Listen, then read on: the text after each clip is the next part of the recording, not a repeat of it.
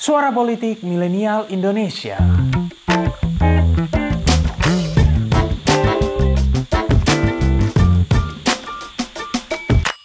JE dan Abu Bakar Bashir, mereka melihat diri sebagai uh, uh, orang yang akan melanjutkan program Kartosuwiryo yang dulu.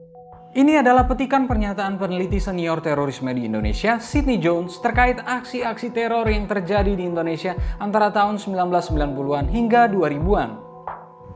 Beberapa peneliti terorisme di Indonesia seperti Bu Sidney memang menyebutkan bahwa gerakan terorisme di Indonesia saat ini punya kaitan dengan sejarah masa lalu, terutama dengan gerakan seperti Darul Islam atau Negara Islam Indonesia yang dipimpin oleh Sekar Maji Marijan Kartosuwiryo.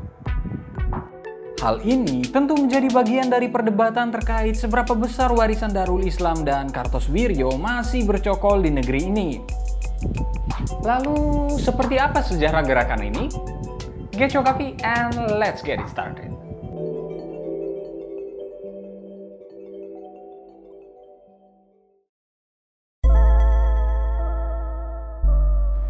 Sejarah Darul Islam Indonesia dengan pasukannya yang bernama Tentara Islam Indonesia atau TII memang identik dengan perjuangan Kartosuwiryo. Namun, gerakan ini sesungguhnya juga dipayungi oleh beberapa tokoh lain. Di antaranya ada Daud Bereeh di Aceh, Amir Fatah di Jawa Tengah, dan Kahar Muzakar di Sulawesi Selatan. Selain Kartosuwiryo, Daud Bereeh dan Kahar Muzakar memang menjadi dua tokoh yang dominan. Keduanya menyatakan diri bergabung dengan negara Islam Indonesia yang diproklamasikan oleh Kartosuwiryo. Daud Bereeh bergabung dengan negara Islam Indonesia atas dasar kekecewaannya terhadap pemerintah pusat yang menggabungkan Aceh dan Sumatera Utara sebagai satu provinsi.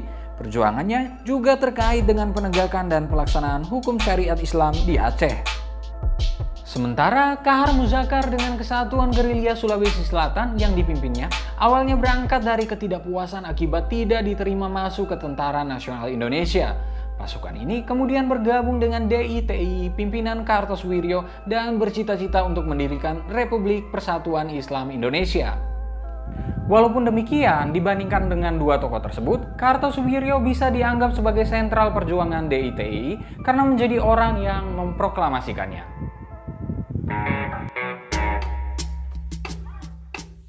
Kartosuwiryo lahir di Cepu pada 1905. Semasa mudanya, ia mengenyam pendidikan Belanda yang sekuler. Saat melanjutkan studinya di Surabaya, ia bergabung dengan Jong Java, organisasi pelajar yang didirikan oleh Satiman Wiryo Sanjoyo. Setelah munculnya gejolak yang berujung pada perpecahan Jong Java akibat benturan antara kelompok yang nasionalis sekuler dengan kelompok yang membawa cita-cita keislaman, lahirlah Jong Islamitan atau JIB yang membawa nafas cita-cita Islam. Kartosuwiryo bergabung dengan organisasi ini dan menjadi ketua JIB cabang Surabaya. Di posisi inilah ia berkenalan dengan Ketua Partai Syarikat Islam atau PSI, Haji Umar Said Cokro Aminoto. Kartosuwiryo bahkan sempat ditawari menjadi sekretaris pribadi Cokro Aminoto pada tahun 1927. Ia belajar banyak tentang gerakan Islam saat itu dan sosok ideologisnya juga lahir pada masa ini, di mana ia mulai mendambakan lahirnya negara Islam. Ketika PSI berubah menjadi Partai Syarikat Islam Indonesia atau PSII pada tahun 1930, karir politik Kartosuwiryo makin terlihat. Pada Kongres 1936, ia dipilih menjadi ketua muda PSII. Ketika Jepang membentuk BPUPKI, Kartosuwiryo melalui wakil-wakil Islam mengusulkan ide-ide tentang pembentukan negara yang memperlakukan syariat Islam. Inilah yang menyebabkan lahirnya Piagam Jakarta yang memuat kewajiban menjalankan syariat Islam bagi pemeluknya meskipun akhirnya kalimat tersebut dihilangkan.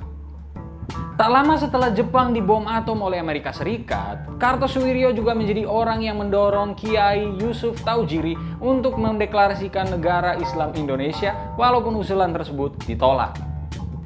Setelah Indonesia merdeka, Belanda memang tak begitu saja membiarkannya. Agresi militer Belanda satu dan dua adalah bagian dari upaya tersebut. Namun, hal ini justru membuat Kartosuwiryo semakin yakin untuk mendirikan negara Islam Indonesia. Akhirnya, pada 7 Agustus 1949, Kartosuwiryo memproklamasikan negara Islam Indonesia di Desa Cisampah, Kecamatan Ciawiligar, Kabupaten Tasikmalaya.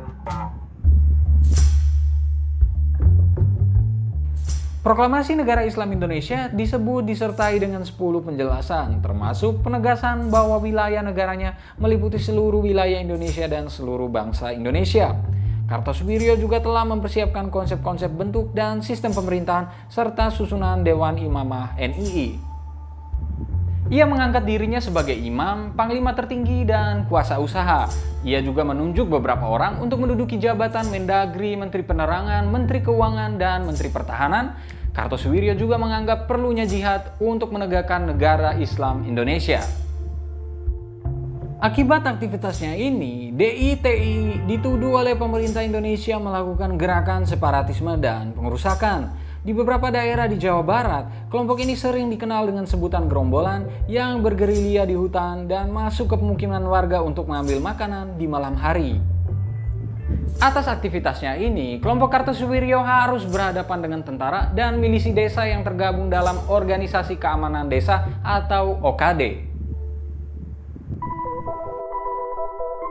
Puncak kekuatan DITI di Jawa Barat terjadi pada tahun 1957 saat mereka terdiri dari 13.129 personel dan perlengkapan 3.000 senjata api termasuk brand dan mortir. Aksi untuk menumpas DITI kemudian semakin gencar dilakukan. Melalui konsep pagar betis, akhirnya DITI berhasil dikalahkan dan pada 4 Juni 1962 Kartosuwiryo tertangkap.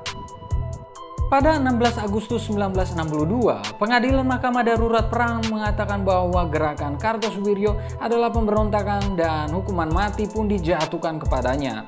Ia dieksekusi pada 4 September 1962. Sekalipun Kartosuwiryo telah meninggal, namun warisan ideologis dan bahkan gerakannya dianggap belum sepenuhnya berakhir. Pernyataan Sidney Jones yang menyebutkan bahwa tokoh seperti Abu Bakar Bashir menganggap diri mereka melanjutkan cita-cita Kartosuwiryo adalah bukti nyatanya. Beberapa sumber juga menyebutkan bahwa DITI masih hidup dan ada di bawah rezim Orde Baru. Pasalnya, kala itu ada operasi khusus atau OPSUS yang dipimpin oleh Ali Murtopo yang justru bermain-main dengan kelompok ini. Ali Murtopo adalah salah satu sosok penting di lingkaran kekuasaan Soeharto. Ia pernah menjabat sebagai asisten pribadi Soeharto, kepala OPSUS, hingga kepala Badan Koordinasi Intelijen Negara atau BAKIN yang kini kita kenal dengan nama Badan Intelijen Negara atau BIN. Jurnalis Tempo Nugroho Dewanto menyebutkan bahwa alasan gerakan-gerakan seperti ini tidak mati sangat mungkin karena kepentingan politik. Ia mencontohkan pertemuan antara petinggi-petinggi DI di Jalan Situ Aksan Bandung pada tahun 1971 dengan Pitut Soeharto punya kaitan dengan pemenangan pemilu 1971 untuk Partai Golkar. Pitut adalah orangnya Ali Murtopo dalam misi menginfiltrasi DI. Ini juga menjadi penanda perpecahan di tubuh para pentolan negara Islam Indonesia itu sendiri menjadi NII Filah dan NII Visabilillah. NII Filah setuju menghentikan kegiatan separatis mereka dan mendapat ampunan dari pemerintah, sedangkan kelompok kedua menolak tawaran bergabung. Singkatnya, kelompok yang awalnya diburu ini justru diberi fasilitas oleh pemerintahan Soeharto. Selain itu, Orde Baru juga menggunakan DITI untuk bersama-sama melawan komunisme. Pentolan-pentolan DI juga diberikan kemudahan berbisnis, bahkan ada beberapa di antaranya yang justru ditarik menjadi anggota Bakin oleh Ali Murtopo. Salah satunya adalah Danu Muhammad Hasan. Warisan ideologis DITII masih tetap ada hingga saat ini, katakanlah jika berkaca dari pernyataan para pengamat terorisme. Bahkan, tak sedikit yang menganggap bahwa cita-cita untuk mendirikan negara Islam Indonesia masih akan tetap ada dalam waktu-waktu ke depan. Selain itu, beberapa pihak menyebutkan bahwa DITII bukanlah sekedar gerakan biasa, melainkan sebuah ideologi karena menjadi kumpulan gagasan, ide-ide dasar, keyakinan, serta kepercayaan yang bersifat sistematis dengan arah dan tujuan yang hendak dicapai dalam kehidupan nasional suatu bangsa dan negara. Dan sebuah ideologi akan sangat sulit untuk dilenyapkan.